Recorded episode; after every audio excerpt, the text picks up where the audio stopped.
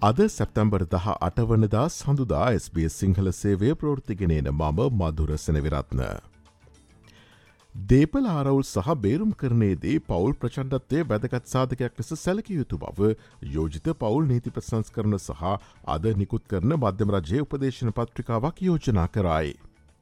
ගෘහස්ත හිංසනයෙන් දිවිගලවාගත් පුද්ගලයන් සඳහා යුක්තිය පසදලීමේ පද්ධතිය ආරක්ෂිත සහ වඩාත් ප්‍රවේශවිය හැකි බවට පත්කිරීමට සැලසුම් කර ඇති යෝජිත පවුල් නීති ප්‍රසංස් කරන යටතේ වන්දි ලබා ගැනීම පහසුවිය හැකි බවද වාර්තාවේ.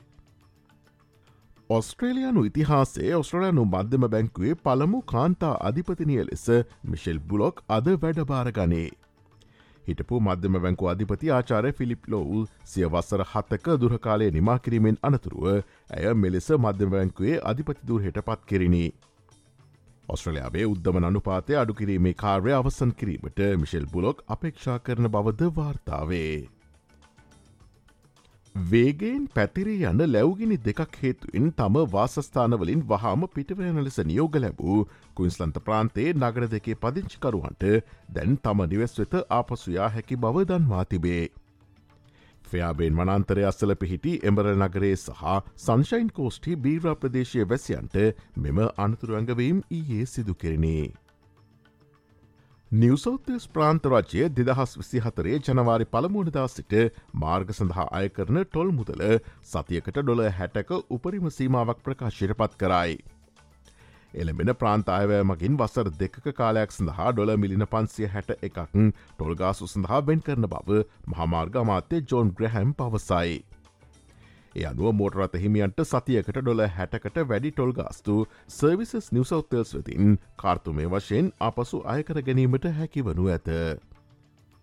ශ්‍ර ලංකාවෙන් වාර්තාාවන පුවත් අද වැඩ ශ්‍රහණය ශ්‍ර ලංකේ පුවත්තිමසුමෙන් බලාපොරොත්තුවන්න.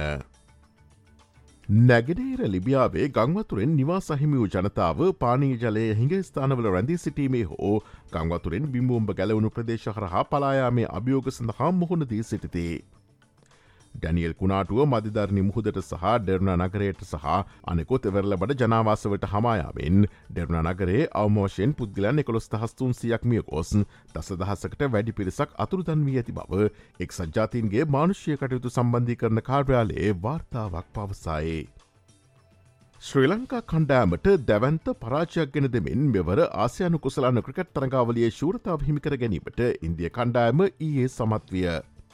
පළමුුවෙන් පන්දුවට පහරදුන් ශ්‍ර ලංකා කණ්ඩෑමේ සියලු දෙනාම ලකුණු පණහකට දවා ගැනීමට ඉන්දිය කණ්ඩෑම සමත් වූ අතර ඔවුන් ජෑග්‍රහහි ලකුණු පනස් එකක ඉලක්කය කිසිවෙකුණු දැවී පන්දුවර හයයි එක් පන්දුවක දී ලබාගෙන මෙවර ආසියනු ක්‍රිකට් ශූරයෙන් බවට පත්විය.